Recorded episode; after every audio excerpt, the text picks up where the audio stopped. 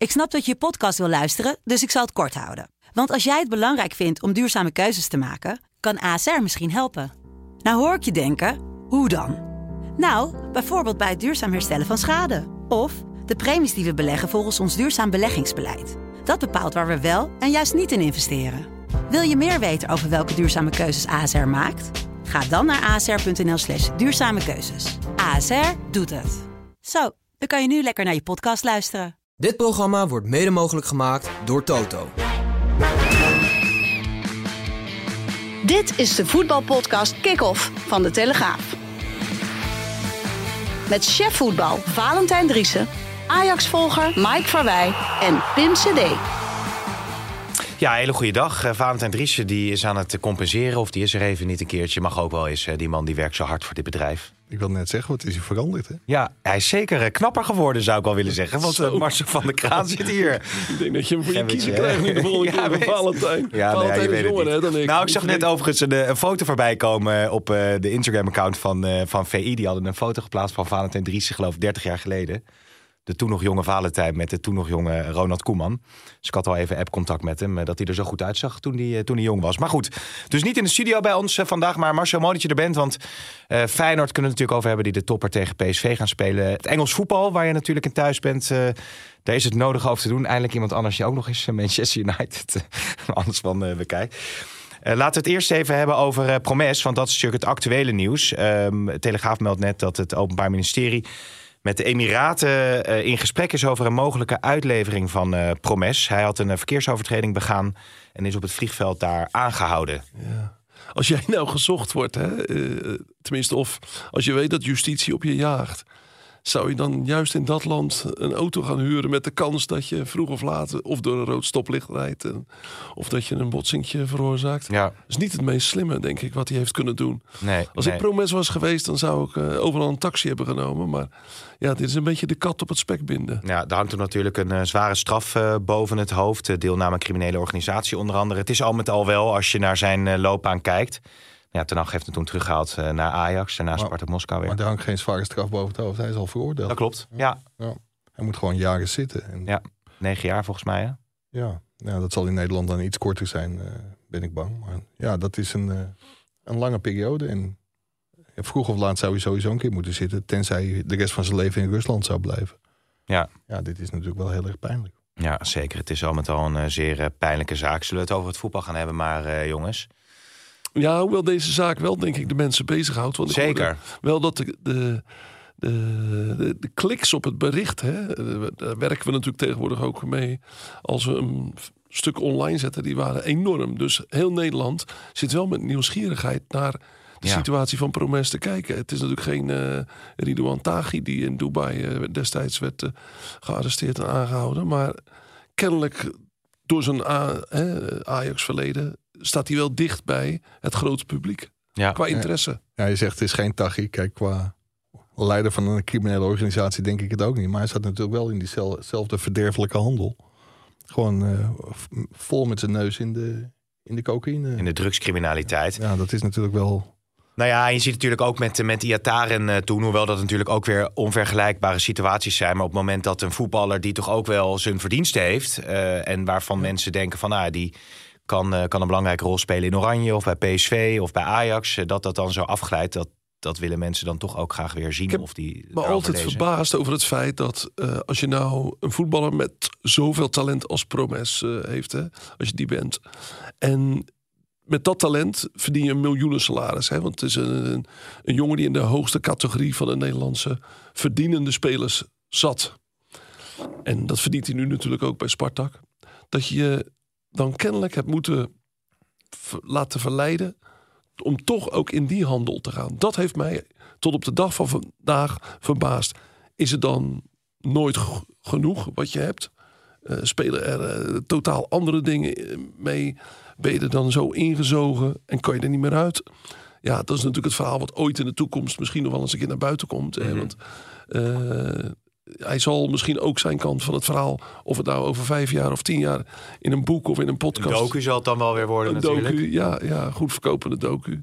Ja. Maar het, het blijft wel bizar. Hè? Je kunt de duurste auto's rijden. Je kunt met je Ajax salaris of waar je ook hebt gevoetbald. En waarom dan toch ook nog de criminaliteit? Maar ehm, nogmaals, dit is natuurlijk een, een uniek eh, geval ook weer. Maar de verwevenheid tussen, tussen topvoetbal en, en criminaliteit. Is dat iets wat je, als je anekdotisch kijkt in het verleden... Ja, op deze schaal denk ik niet eh, zo gauw ja, hebt is- meegemaakt? Het is tegenwoordig wel steeds meer. Je hebt in alle clubs, ja, je, je kent ze wel, de, de, de VIP-desk en de VIP-tafeltjes. En ja, daar lopen jongens van de leeftijd van Promes. En daar is deels, deel is een voetballer. Ja, er zijn natuurlijk ook daar mensen die hun geld op andere manieren hebben verdiend. Hmm. Ja, ik kon toen ik, eh, toen ik jong was geen VIP-tafels eh, regelen in welke, welke club dan ook. En dat kunnen profvoetballers, maar criminelen ook. Ja, en die vermenging, dan gaat het dus toch af en toe fout. Ja, en zijn eh, profclubs zich daar voldoende van bewust om die jongens ook te begeleiden? Want ik kan me voorstellen dat als je als jonge speler, talent met het grote geld in aanraking komt, dat je dan ook in milieus terechtkomt die je niet gewoon bent, natuurlijk vanuit je eigen achtergrond of opvoeding. Of ik misschien weet ook wel. dat bij eh, Ajax, Feyenoord, PSV eh, en volgens mij AZ ook... is een hele goede begeleiding op het moment dat die jongens 14, 15, 16 worden. Hè, dat is die, die kwetsbare leeftijd. Dat ze dan heel veel doen aan het, bewust worden van geld. Eh, in Engeland bij alle Premier League clubs zit er een heel programma achter. Dat weet ik. Daar krijgen die jongens heel goed inzicht in van let, let op, je, je gaat een hoop geld verdienen. Mhm. Dit en dit kun je ermee doen. Eh, zo ga je om met je, je sociale omgeving. En dus die begeleiding is er zeker. Maar die is niet, niet overal eh, op het juiste moment. En er zijn natuurlijk altijd exceptionele gevallen. En heeft soms met de achtergrond te maken. Van waar spelers zijn opgegroeid. Dat ze toch thuis in de verleiding komen met andere dingen. En niet Ja. bij hun voetbalclub. We moeten overigens eh, ja, niet denken dat het heel, dit maar een enkel geval is. David Mendes zit volgens mij ook nog Ja. Altijd in eh, een van de gevangenissen in Dordrecht of in Nederland. Ook natuurlijk vanwege eh, Ja. dit soort ha- praktijk en handel. Ja. Over docu's gesproken trouwens. eh, we hebben natuurlijk eh, Noah Lang eh, gehad met zijn, met zijn documentaire. Dat, dat, dat bracht nogal wat stof teweeg ook richting Ten Hag. Hè? Hij is daar heel uitgesproken over. Ja, de bewuste wedstrijd, daar hebben we het hier ook wel geregeld over gehad. De bewuste wedstrijd Ja, eh, tegen Telstar voor de beker, waarin hij het met, met Tadic aan de stok kreeg. Ja, ik, ik vond het wel heel bijzonder, want Erik ten Hag werkt ook mee aan de docu. En vervolgens krijgt hij nog een draai Ja. oren van Noah Lang. Dat, dat hij nooit meer een appje heeft gestuurd. Dat maakt Noah Lang dan ook wel weer spraakmakend natuurlijk. Ja, ja ik, ik, ik moet zeggen, ik heb een paar keer met hem eh, te maken gehad. Ben ook een keer naar Brugge geweest toen hij daar voetbalde. Ja, het is een heel bijzonder jochie. Niet alleen qua voetbalkwaliteiten, want ik vind het echt een hele goede voetballer. Ja, het is... Ja, je, je krijgt hem gewoon recht voor je raap. Ja. Hij is gewoon precies eh, zoals, hij al, zoals hij altijd geweest is. Het was gewoon de kutbal van Tati, zei Ja. hij, hè, volgens mij Ja. die docu. Van, ja, dan kan je ik 20 zijn en hij eh, of alles hebben bewezen bij Ajax. Maar als hij die bal gewoon niet goed speelt, Ja. Het dan, zeg ik, daar, je dan zeg ik dat Het gewoon. verbaast je dat hij dan toch nog om dat appje van Ten Hag verlegen zit. Hè? Eh, Wees dan ook een grote kerel. Eh, Laat dan merken van, oké, die trainer hem dan eh, toch hoog. is klaar met me. En nou, die- zo'n jongen wil dan toch wel weer aardig gevonden worden door Ten Hag. Ja. Ja. En het was wel heel bijzonder hoor, want er waren mensen bij Ajax. Kijk, Ten Hag was helemaal klaar met hem. En Ten Hag wilde van hem af. En die zei, nou ja, weg met die kerel. Maar er waren mensen bij Ajax die zeiden van... ja, maar dit is zo'n talent. We willen hem wel houden, dus verhuur hem maar. Maar toen zei nou al lang, nou, er wordt helemaal niks verhuurd. Die wilde alleen verkocht worden aan Club Brugge. Ja. En, en toen is hij dus naar België gegaan. Maar het is, ja, heel bijzonder. Ruud Vormer, die heeft wel een hele goede invloed. Die was toen eh, aanvoerder bij Club Brugge. Nou, Noah Lang noemde hem opa. Dat, ja, die gedroeg zich als een opa voor hem. Hm. En die lette een beetje op hem. ja. En dat had hij kennelijk nodig. Want ook bij Club Brugge heeft hij het natuurlijk goed gedaan. Maar ook bijvoorbeeld weer ruzie gekregen met Alfred Schreuder. Die ook heel moeilijk met hem, eh, met hem om, om kon gaan. Dus Ja. Heel bijzonder jochie, maar met een hele grote gebruiksaanwijzing. En volgens mij heeft Peter Bos die heel goed doorgelezen. Want ja, wel, bij, PSV gaat het heel goed. ik vond het wel opvallend dat eh Jorbe Vertessen, die is natuurlijk, heeft die transfer eh, naar, eh, naar Duitsland gemaakt. Nou, dat heeft niet zo goed uitgepakt tot dusverre, want die, die komt daar ook niet aan de bak. Die gaf nog een interview waarin hij ook zei van nou, terugkeren naar PSV, dat was geen optie meer voor mij. Want er waren het, nou, de blessu- door de blessure van Noah Lang hadden ze misschien toch wel weer nodig, maar hij had al zijn medische keuring gehad. Maar hij gaf ook wel aan van ja, nou die groepssfeer bij, eh, bij PSV, die vond ik toch wel wat minder dan dat hij hier eh, in Berlijn is. Ja, dat was een interview in Kieker volgens mij. Dat, Ja. dat hij had gegeven. Ik vind als je dat zegt, dan moet je dat ook wel even toelichten. Dat gebeurde vervolgens niet. Ja, dan, dan kun je er ook niet zo heel veel mee. Want volgens mij was de sfeer bij PSV, of is de sfeer ja, zeldzaam goed. Want die gaan in één rechte lijn op de landskamp, landstitel af. Ik denk dat hij het eh, niet zo gezellig vond omdat hij niet speelde. Hij zou misschien ook wel balen dat hij, als hij natuurlijk iets meer geduld had gehad, had hij nu wel zijn minuten wel degelijk gemaakt bij PSV. Maar de- voor mij is het ook wel een beetje de vraag of Noah Lang dit seizoen nou nog veel eh, gaat schitteren bij PSV. Hè? Die blessures die nekken hem toch dit seizoen. Ik denk niet dat dit seizoen is geworden wat hij, eh, wat hij voor ogen had. En dan is ook de vraag van, is hij op tijd zo fit dat hij straks een rol kan gaan spelen bij Ronald Koeman in zijn elftal? Ja, want Ronald Koeman heeft natuurlijk Wijnaldum eh, er weer eh, bij gehaald. Zirkzee eh, is er nu bij gehaald. Bizot is er, is er bij gehaald. En Timber, dat zijn dan de verrassende namen die erbij komen. Al dan niet verrassend. Ja, En- Qu- Quinten Timber. Ja. Jurgen Timber die staat gelukkig weer op het trainingsveld bij Arsenal. Groepstraining ook hervat. Dus ik dacht er nog, misschien zit die ook bij de voorlopige sele- selectie als een soort opkikker. Maar ja, dat was natuurlijk een beetje te vroeg. Maar ik denk dat het voor Quinten Timber ook wel, wel terecht is dat hij erbij zit. Ah, die is aan de sterkste periode van zijn carrière bezig, dat is duidelijk. Die is een inhaalslag aan het maken eh, bij zijn broer. Vroeger eh, zaten ze in de, de jeugd bij Feyenoord. Toen heten ze allebei nog Maduro. Hè? Die naam is later veranderd. En nu heten ze natuurlijk Timber. eh, en daardoor is bij heel veel mensen... Maar Maduro van familie van of het Wiegers? Of, eh, Ja, dat weet ik dat eigenlijk niet. Oh of nee, dat, oké. eh, Nou, ze komen niet. allemaal van de Antillen, dus dat zal ongetwijfeld... Ergens eh, ver in eh, ieder geval verwant verre, familie Ja. zijn. die.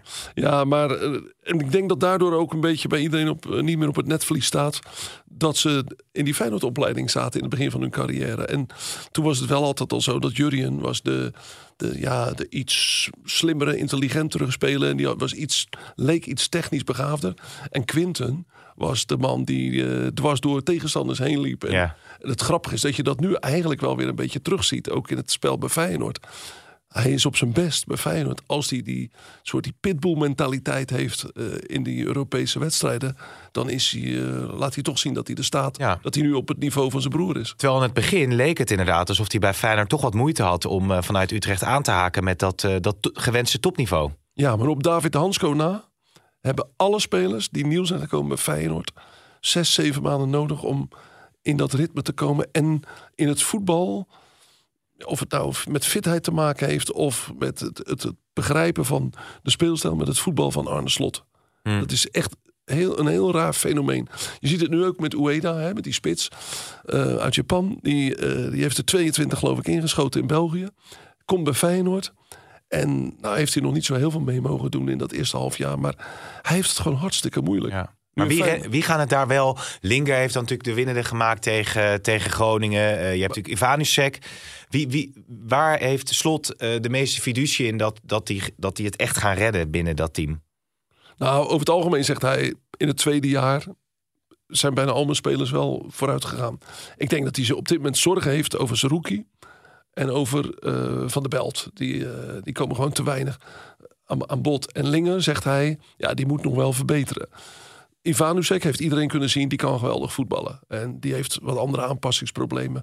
Eh, sommige spelers die uit Oost-Europa komen, ja, die komen. De, de ene is een heel extrovert, de andere is heel introvert. En in dit geval is het een heel introverte speler. Maar je kan zien dat hij geweldig, geweldig Ja.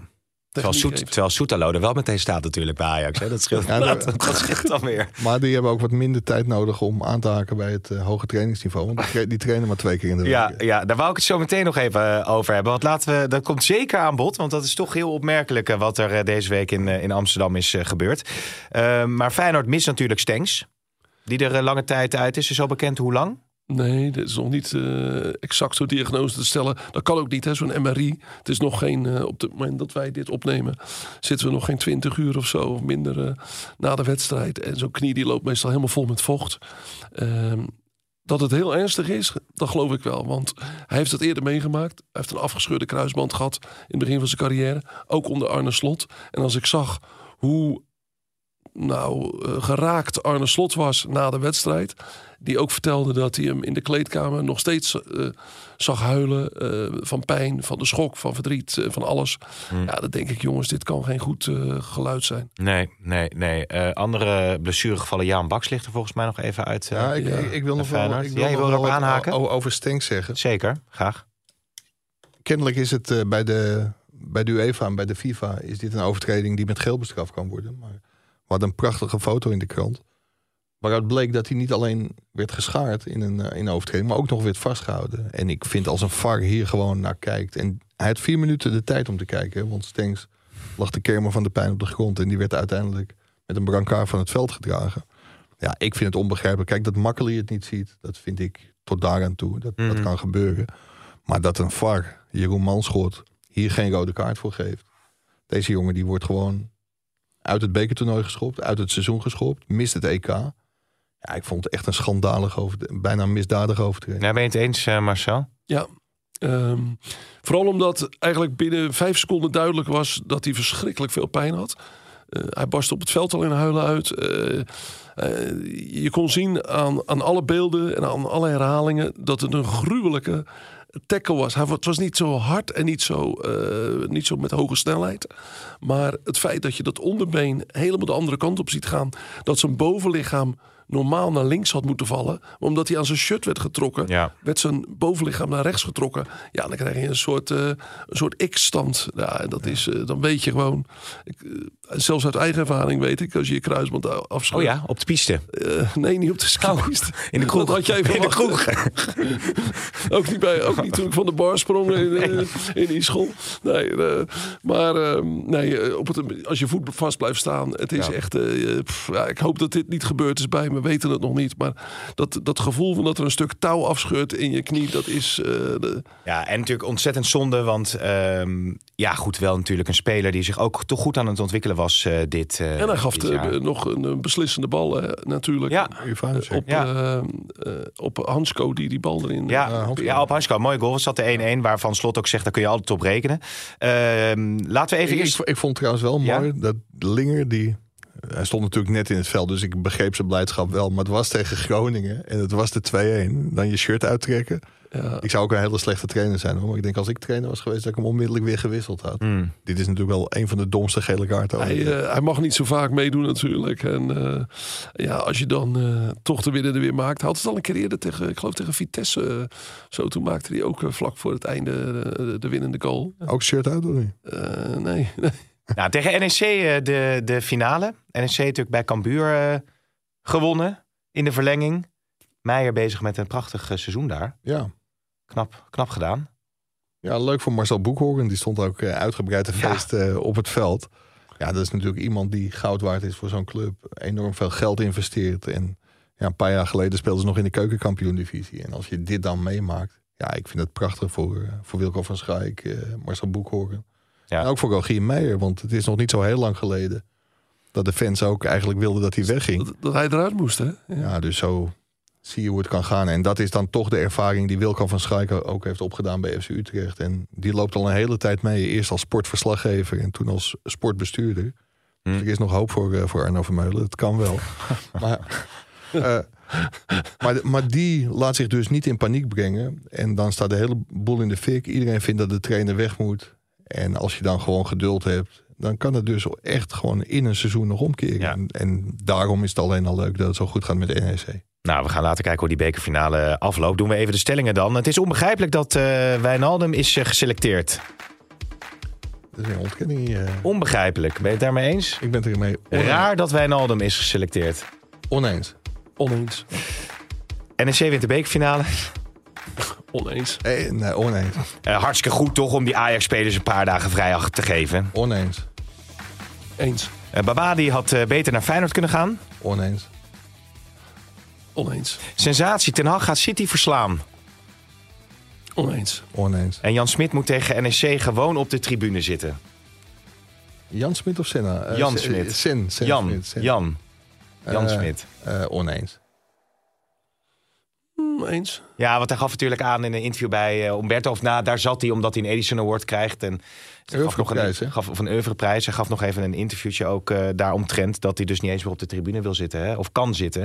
Omdat hij zich ook niet veilig voelt meer in zijn eigen clubpie. Heeft hij dat gezegd? Niet veilig? Nou, dat hij in ieder geval nu even niet op de tribune gaat zitten. Ja, hij is persona non grata. Ik geloof dat hij dat wel uh, dat hij dat voelt. Dat hij dat ja, ja dat gevoel heeft hij. Maar dat is ook niet zo gek als je als compleet bestuur wordt weggestuurd uh, door de Raad van Commissarissen. Dat je je even niet gewenst voelt.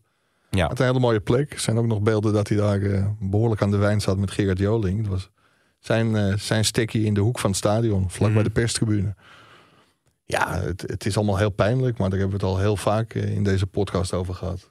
Jan Smit is in 2019 met Wim Jonk ingestapt met de allerbeste bedoelingen. Voor Wim Jonk lagen er elders in de wereld gewoon veel, veel betere aanbiedingen klaar. Maar die wilde toch zijn club naar de Eredivisie brengen. Dat is gelukt. Ze hebben een jaar gehandhaafd.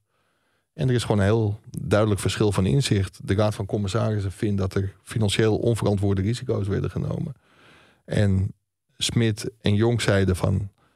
Ja, elke club speculeert op transfers. En ze hebben in het verleden ook laten zien... onder meer met Mickey van der Ven kwam nog een hoop geld binnen... dat je daarmee een begroting ook sluitend kunt maken. Dus ja, dat verschil van inzicht Ja. is niet, niet te overbruggen. Bestuur werd weggestuurd. Jonk en consorten die verklaarden zich solidair in het bewuste statement. Nou, daarvoor staan ze nu voor de rechter. Of dat een directe opzegging was of niet. De rechter heeft al gezegd dat, dat het niet was. Die gaat nu alleen nog bepalen hoeveel geld ze meekrijgen. Maar ja, Volendam gaat in één rechte lijn naar de keukenkampioen-divisie. En ik ben bang dat ze binnenkort weer op het niveau zijn van voor Ja. de komst van Jonk en, en Smit. En Jij vertelt het, het wordt steeds meer zo. Het, het, het- prachtig verhaal van gewoon. Je kan het helemaal in twee minuten helemaal samenvatten. ja, nou ja, dat, soort, eh, soort, soort, soort, hè, soort stripboek bijna. Je wordt er ook elke dag over gebeld. Ja, En, eh, inderdaad, ja. Ik, ik woon zelf op eh, Steen. Ja, moet je wel ver Hoe lang is dat, steen. is dat fietsen? Ilpendam, eh, Volendam? Ja, ik heb hetzelfde gefietst, maar met de auto is het... Nee, het is 20 minuutjes fietsen, denk ik. Oh, lekker. Ja. Nou ja, goed. In ieder geval een hele vervelende periode voor Je Jan hoort toch Smit, dat hij een beetje in dat Volendamse wel, eh, wel thuis is, hè? Nou, daar is hij zeker thuis. Ja, absoluut. absoluut. Eh, weet je waar jij thuis bent? In Engeland. Zullen we even de Ten Hag jingle erin gooien? Hey, I feel quite well. Uh, I feel welcome. Yeah, this is my home. We give too, too easy balls away. It ain't over till, till, till it's over. Wie is? Hey. Ja.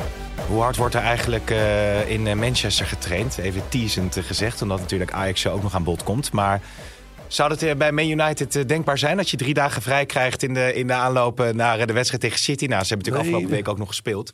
Dat doet hij niet hoor. Hij heeft al zijn dagen nodig, Ten Hag. Ook omdat hij de speelstijl waar hij voor stond... nog altijd niet in geslepen heeft gekregen. En dat is natuurlijk deels door spelers. Hè. Iedere keer als de, de voetballers die hij nodig heeft... zo'n Shaw, dat is echt een voetballende verdediger. Martinez, de man met wie hij bij Ajax werkte, achterin. Die moeten het spel opbouwen. Ja, die zijn er dan weer een tijd uit. Iedere keer geblesseerd. Hij heeft niet de spelers kunnen krijgen, zegt hij, die hij wilde. Hij heeft wel 400 miljoen eh, besteed op de transfermarkt. Maar ja, ik denk nog altijd aan de verkeerde spelers. Eh 100 miljoen uitgeven aan eh, Anthony. Dat Ja, is, nemen ze eh, die überhaupt nog serieus? Hij schoot wel op de lat tegen Nottingham Forest, eh, zag ik. Ik sta ervan te kijken dat Ten Hag hem zo verdedigt. Afgelopen week zaten die Engelse journalisten allemaal tegenover hem.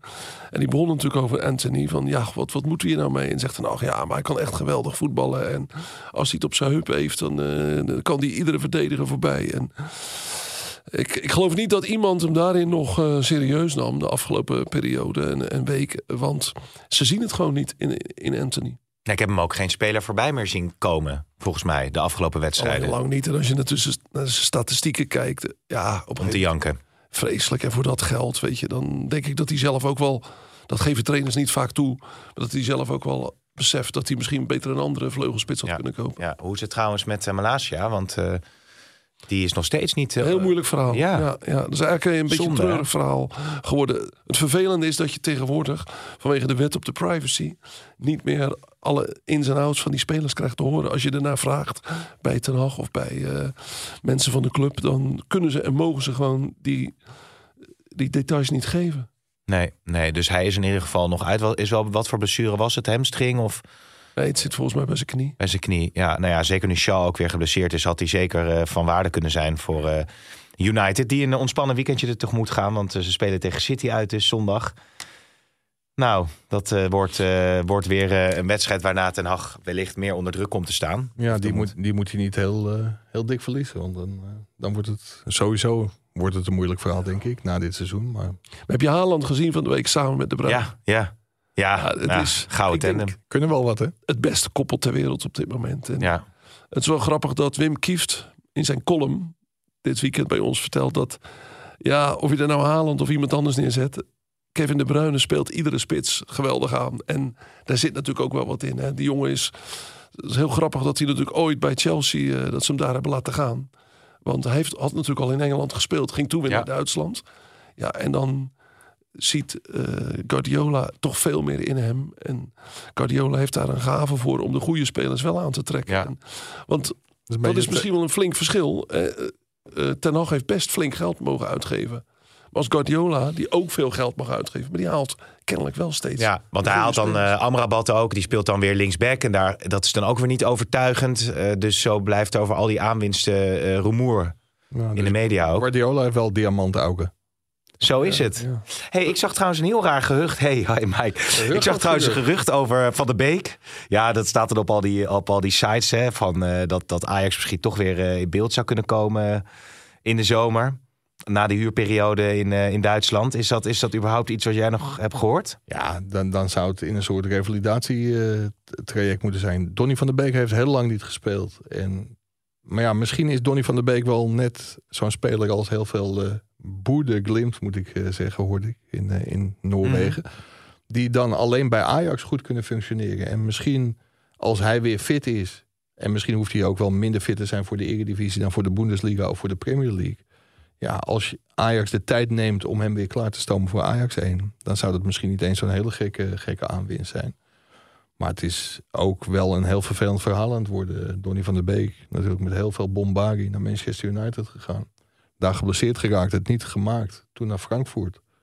Ja, en daar komt hij natuurlijk ook veel te weinig aan Ja, spelen toe. Ja, viel wel nog in, zag ik volgens mij weer, eh, weer laatst. Sommige spelers, die horen gewoon bij een bepaalde club thuis. Hè? Ja. Tony van der Beek was natuurlijk wel een echte Ajax-speler. Ja. En ik zou het helemaal niet gek vinden als hij zou terugkeren. Nee, nee, nee. Zijn we bij Ajax beland, Mike? Ja, dat is natuurlijk toch een opmerkelijk verhaal. Ze spelen tegen Utrecht eh, komend weekend. Nou, ze hebben dat 5-4-1 systeem voor het eerst gehanteerd eh, bij AZ.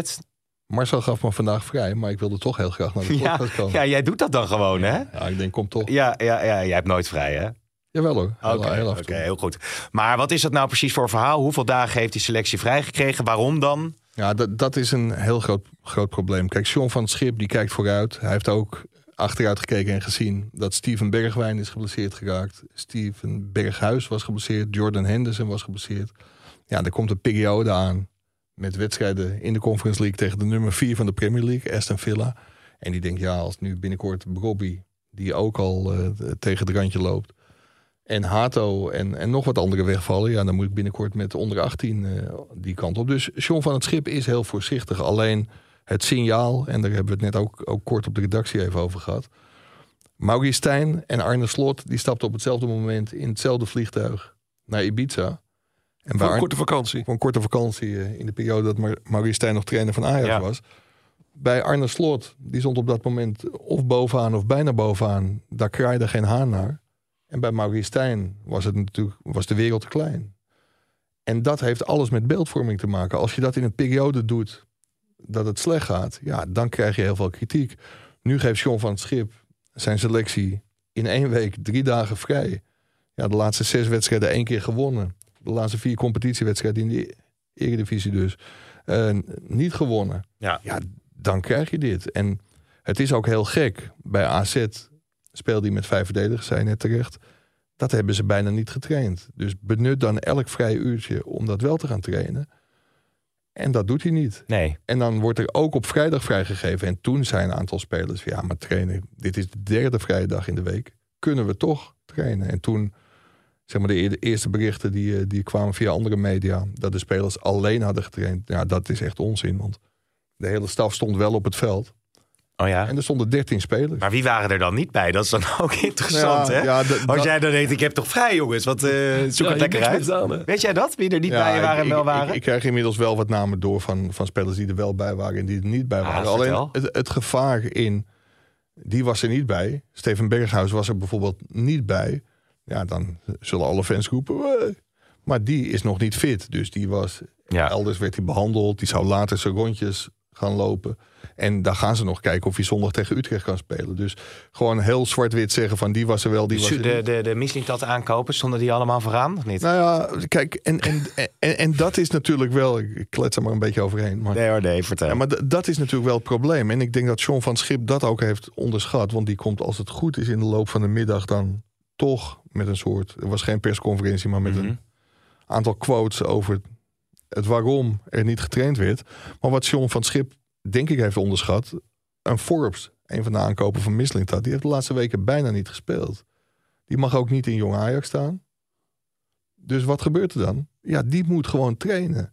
En die kun je niet drie dagen vrijgeven. Want voor hetzelfde geld moet hij of spelen tegen FC Utrecht of invallen. Ja, Dus vooral de jongens die de laatste weken bijna niet aan spelen toe kwamen, die moeten gewoon keihard trainen. ja, ja. Kijk, dat je, dat je een groep een aantal dagen vrij wil geven, dat is niet nieuw. Want na een hele drukke Europese campagne of een aantal zware wedstrijden. eh, en als het seizoen al acht eh, maanden bezig is, dan zit er een bepaalde eh, sleet op. Er is geen frisheid meer. Raymond Verheijen, daar hebben we altijd ook wel kritiek op gehad. Maar die zei altijd. Dat is de inspanningsfysioloog, hè, die eh, ook bij het Ja. Nederlands elftal en bij Guus Hiddink altijd is geweest. Die maakte een heel groot verschil tussen fitheid en frisheid. En die frisheid is er soms niet na een, een periode in de, in de Europa Cup en competitie. Alleen in het seizoen wat Ajax meemaakt, waarvan we al met z'n allen weten dat is het meest krankzinnige wat we in de laatste 50 jaar hebben gezien bij die club, is dit wel een heel ongelukkig moment van, eh, van Ja. Schip. ja, vroeger liep je gewoon achter de bus aan als je... Hè, de Co Adriaatse deed dat toch? Die liet toch zijn spelers Willem II of zo uit? Of dat, Ja, maar AZ was er dichtbij, dus dat vond je ja, dat is nog een signaal voor de, voor de achterban ook, hè? Dan straal je uit van... eh, Ja, maar dat, dat is het dus ook. En kijk, het beeld is dat voetballers die hebben al een heerlijk leven. En als je ze dan ook nog drie dagen vrijgeeft. Kijk, laat ze gewoon om acht uur op de club komen. Geef ze een goed ontbijt. eh, en maak een hele daginvulling voor ze. Want waarom zou een voetballer niet van 9 tot 5 of van 9 tot 6 kunnen, Hmm. kunnen werken? ja. Ik bedoel. jij Ja, nee, ik, ik zit te denken, nee, maar het is natuurlijk ook zo, eh, de, de- als je maar presteert uiteindelijk. Hè? Als je kijkt naar eh, Barcelona, het omgaan met verdetten. Van Gaal die botste altijd met, eh, met eh, Rivaldo en dat soort sterren. En je had Hiddink, die sloeg een arm om de schouder. Nou, En die spelers die, eh, die floreerden. Maar om het nog even over Ajax te hebben. Kijk, Arne Slot wordt geprezen. Ik durf te zeggen dat zijn elftal het meest fitte van de hele Eredivisie is. Mm. Misschien dat het elftal van Peter Bos in de buurt komt. Maar dat komt niet zomaar. Het is niet van, hey, Nee, je bent fit. Daar moet je gewoon keihard voor trainen. En eigenlijk vanaf het begin van het seizoen bij Ajax is dat niet gebeurd. Het is toch wel interessant om te kijken welke coaches hun team fit weten te houden. Met Smit was natuurlijk altijd met die bloedwaardes en alles bij PSV. Eh, die liep dan ook nog wel tegen flink wat blessures op. Nu is Veerman eh, licht geblesseerd. Eh Saibari is geblesseerd. Noah Lang is geblesseerd. Til is dan wel weer terug. Maar PSV heeft ook nog best wel een paar blessures gehad dit seizoen. Ja, en na de wedstrijd tegen Ajax zei hij ook dat, dat hij dat heel erg zorgvuldig zou bekijken waar dat nou vandaan kwam. Waarbij hij zelf al aangaf dat het, ja, er lijkt geen verband te zitten tussen de blessures, omdat het allemaal andere blessures, eh, blessures waren. Ja, dat moet je natuurlijk wel goed monitoren. Alleen, ik denk dat, eh, dat PSV het redelijk goed voor elkaar heeft. En misschien is het af en toe ook wel prettig voor een trainer dat je een keer een blessure hebt. Want dat scheelt je een heleboel moeilijke, moeilijke keuzes. Maar PSV, ja, die, die gaan fluit Ja. op, de, op de titel af. En ik vind dat het op zich wel meevalt met het aantal blessures. Ja. Ja.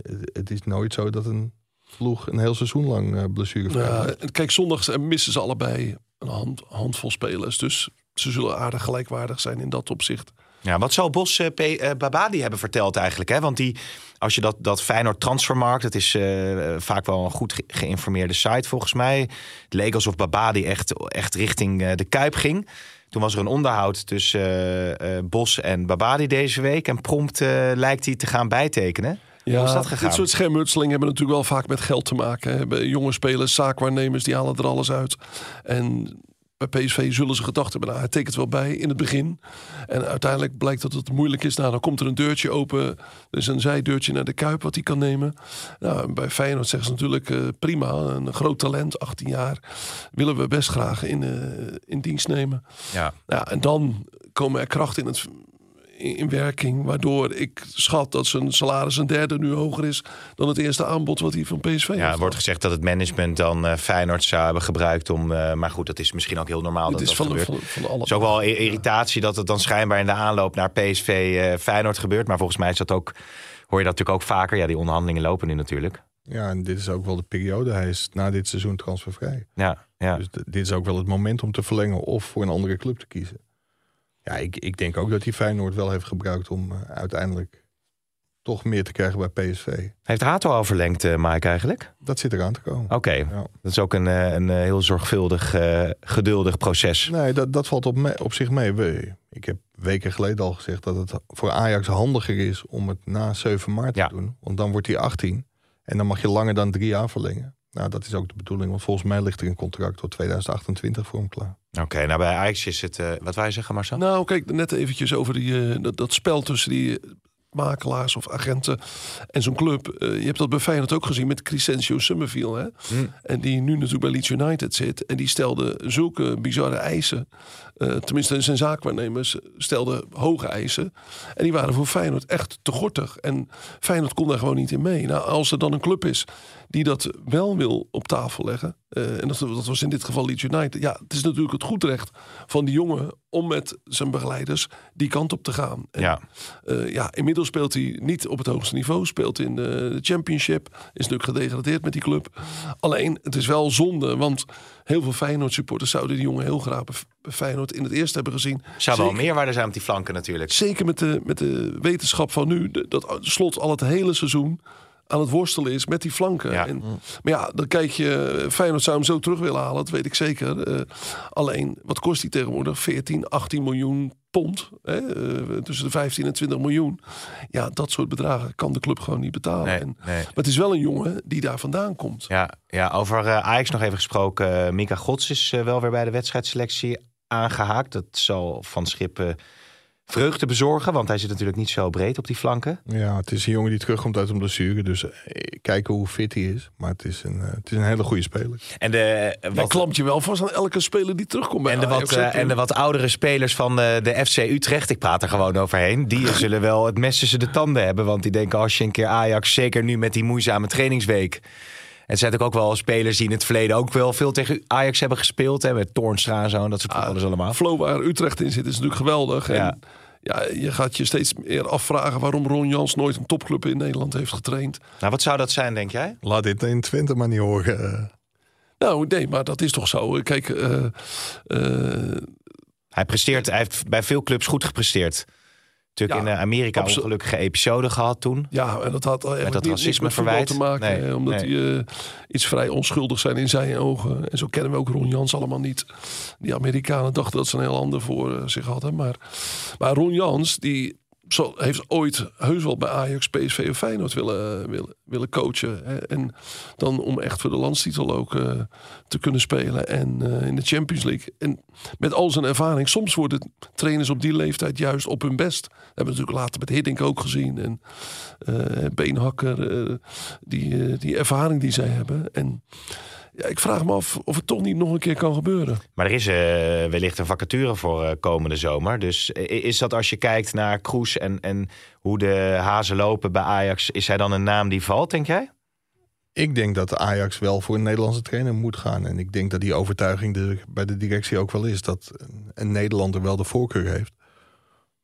En ja. dan is het niet zo heel gek dat je... Kijk, we hebben hier al een keer het idee geopperd van... is het niks om Frank de Boer met Pepijn Leinders te doen? Maar ik denk dat Ajax uiteindelijk meer naar de hele compositie van de hele staf zal kijken.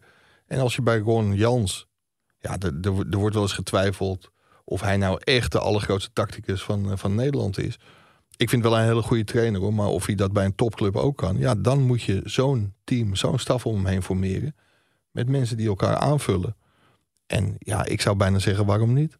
Ja. Frans van Zeumeren, heb je die vorige week gehoord? Nee, niet gehoord. Ik zat bij de NOS, ik zat in de auto onderweg naar uh, Almere. En ah, die was er wel heel duidelijk over. Hoor. Hij zegt, ja, hij zegt, ik zou het een hele goede trainer vinden voor Ajax. Echt eh, een hele goede.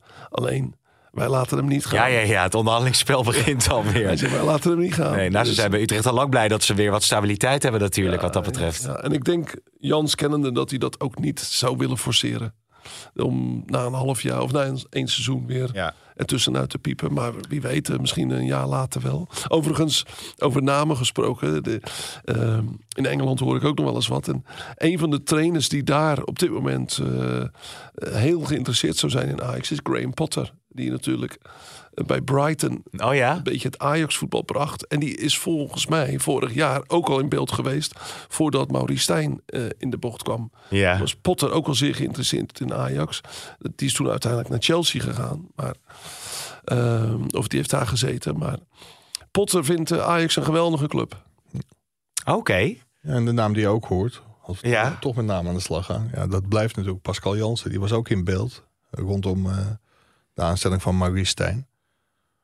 Ja, en dat is wel een jongen met een AZ-verleden. En, en Marijn Beuker en Alex Kroes hebben natuurlijk allebei bij AZ gezeten. Dan weet ik niet of het na zijn ontslag bij AZ nog steeds een reële optie is. Maar die, eh, die is ook wel in beeld geweest. Ja, ik zou bijna zeggen met een goede staf om hem heen. Waarom niet? Ja, ja, ja, ik zit nog even naar Graham Potter te kijken. Op, opvallende naam in elk geval. Maar je hebt natuurlijk altijd die... Ja, er wordt ook van Guardiola gezegd... Nou, als hij, eh, die, die houdt ook van eh, het Nederlands voetbal. En weet je wel... Guardiola heeft eh, wel eens interesse getoond. Ja. En dat hebben we toen gehoord via met Cruijff, goede relatie. eh, ja. eh, Kijk, dan gaat hij ook een wat rustigere periode in. Want dan heb je niet die hectiek van de Premier League. En, ehm, Geef eens even toe een paar dagen vrij. Ja, Hè? Kijk, ik denk dat hij na, op Manche- na Manchester City zal hij eh, een sabbatical inbouwen. En ik denk niet dat hij al klaar is met werken. Ja. Dus ik sluit nooit uit dat Guardiola ooit nog bij Ajax terechtkomt. Dat hij terug is, hè, zoals met Leo te spreken, dan is de cirkel rond. Want ja, Cruijff was een grote leermeester. En eh, zijn broer, Perre Guardiola, heeft natuurlijk hier in Amsterdam... eh, samen met Kees Vos het grote makelaarskantoor SEG. Oh ja. En ja. eh, zitten heel dicht op, eh, op het vuur. En hij heeft ook eerder wel eh, belangstelling getoond voor het Nederlands elftal. Dus Ja, en, interessant? en, en Kees Vos is natuurlijk de voormalig partner van Alex Kroes. Potverdorie jongens, zo, zo maken we hem hier gewoon even... Nou, ik wou zeggen, want ook natuurlijk... Over ronde cirkels. Ja, ik wou zeggen. Maar wat natuurlijk ook wel interessant is, dat, eh, dat er sowieso wel trainers, eh, dat er beweging komt op die trainersmarkt. Jurgen Klopp, die natuurlijk ook zijn vertrek heeft eh, aangekondigd bij eh, Liverpool. Maar die wil even rustig aan doen, volgens mij. Klopt. Wel heel interessant wat hij allemaal met die jonkies nu eh, neerzet eh, met Liverpool. Fantastisch. Ook geweldig dat hij zo'n seizoen er weer uitperst. Terwijl iedereen dacht, eh, het is op, het is, eh, het is, hij is leeg. Ja. Nee, hij doet het en laat het geweldig achter. En ik denk dat Xabi Alonso daar eh, de, Ja. de droomkandidaat is. Maar dat is hij natuurlijk ook voor Bayern München. En bij Bayern München kan hij een godsvermogen verdienen. Want die betaalde Pep Guardiola destijds al 18 miljoen. En ehm, bij Liverpool verdient Klopp 15 miljoen. En dan geloof ik dat het nog pond is ook. Ja, dat is 15 miljoen pond. Dat is 17 miljoen euro per jaar. Dus die twee clubs kunnen allebei heel veel betalen. Maar ik denk als het erom gaat, kan Bayern München het, ehm, het financiële spel wel Was, winnen. wa- was nou ook nog Xavi Alonso slot toen met Tottenham Hotspur? Was eh, die, had, had die ook niet in beide coaches? Xabi eh, was de eerste keuze. Ja, hè? En En Slot was de tweede. Maar Slot was de tweede. Dat, dat Xavi Alonso natuurlijk is gebleven en helemaal een onwaarschijnlijke reeks eh, neer heeft gezet nu eh, daar. Dus dat is- geeft hem alleen nog maar eh, meer aanzien. Je had het net over Liverpool, over schandalige overtredingen. Gravenberg. Ja. Ook een hele gemene overtreding op die enkel van, eh van Het schijnt wel enigszins mee te vallen nog, eh, hoe lang die eruit uit Hij, is. hij zit niet bij de voorselectie van het Nederlands elftal. Nee. Dat, dat is op zich wel sneu. Want bij Liverpool eh, doet hij het natuurlijk best aardig. Ja, dat EK, dat, eh, dat gaat hem dan waarschijnlijk niet, eh, niet worden voor hem. Nee. Dit zijn toch wel de komende interlands, die oefenen interlands... om Ronald Koeman te laten zien wat je kan. Ja, En door zo'n schofterige overtreding, ook dat was een schofterige overtreding... ja, dan eh, zit je met een gebakken peren. Zirkzee kan het wel gaan eh, laten zien. Ruud Gullit gaf er zeer hoog over op. Natuurlijk ook, eh, bij, of heeft het ook bij ons in de krant nog, eh, nog deed. Maar ook in de Italiaanse media had hij het een en ander over gezegd. Zeven abonnementen. Zeven abonnementen, ja. ja, ja. Dat zijn onze premium verhalen hè, die we dan plaatsen, waar mensen gretig op eh, klikken. Maar ehm ja, Zirkzee, dat wordt natuurlijk spannend hoe hij het bij het Nederlands elftal gaat doen. Heel benieuwd naar. Dat wordt ook een beetje de graadmeter. Hè? Want het blijft natuurlijk moeilijk elke keer. Van, eh, wat, wat is het niveau waar hij nu op speelt bij die club? Hoewel het bij Jerdy Schouten wel goed is uitgepakt natuurlijk. Eh, Er werd toen al heel lang gezegd... Je moet, jullie moeten hem bij het Nederlands elftal halen. En uiteindelijk is men overstag gegaan toen hij bij PSV eh, Ja, natuurlijk het goed is gaan doen. ja, heel benieuwd. In ieder geval Nederland, eh, Schotland en Nederland, Duitsland staat eind maart op het programma. Zullen we nog even een prognosetje doen? Wat denk je? PSV, eh, Feyenoord, Mike? 1-1. 1-1 en 3-3. zo. Nou, wordt een leuk weekend. Ajax Utrecht nog even. 1-2. En? Ajax Utrecht eh, 1-3. Oh ja, ja, de gifbeker voor de Ajax-fans kan niet eh, leger raken, lijkt wel. Ik zeg, eh, we zijn er eh, maandag weer. Ja, gaan wij nog... Nee. eh, Wat Ik wou wil- jij zeggen? Ik wil, ik wil nog één toevoeging doen. Dat mag, wel meer zelfs. Nou, ik wil jullie eigenlijk wel een compliment maken. Ik zit Oh, hier God. natuurlijk wel heel af en toe. Ja. En het is jammer dat Valentijn er niet is, maar die hoort het dan wel eh, in, in de auto of het vliegtuig of waar die ook is. Maar we hebben natuurlijk wel een ongekend aantal eh, luisteraars en eh, in dit programma, of met dit programma, de podcast Kick-Off gehaald. En 5 miljoen eh, is natuurlijk een gigantisch aantal. En jullie hebben dat voor elkaar gekregen. Eh, ik, Mijn moeder heel veel geklikt achter elkaar. Dan gaat het hard natuurlijk. maar ik, ik, als, eh, ik mag jullie, eh, jullie telesportredactie ook eh, leiden. En ik ben er best trots op dat dit voor elkaar is gebracht. Want het is eh, de best beluisterde podcast van Nederland. En ehm, ik ben blij dat Valentijn en Mike dit met jou samen. En ik weet dat je het af en toe, af en toe moeilijk hebt. Maar Zeker. eh, met deze mannen. Maar fantastisch neer aller- hebben gezet. ja, Dankjewel. Of het de allerbest beluisterde podcast van Nederland is, daar wil ik ook nog wel een boom over opzetten. Ik weet niet Over of het voetbal. is. Oh, van voetbal. Oké, gelukkig. Ja.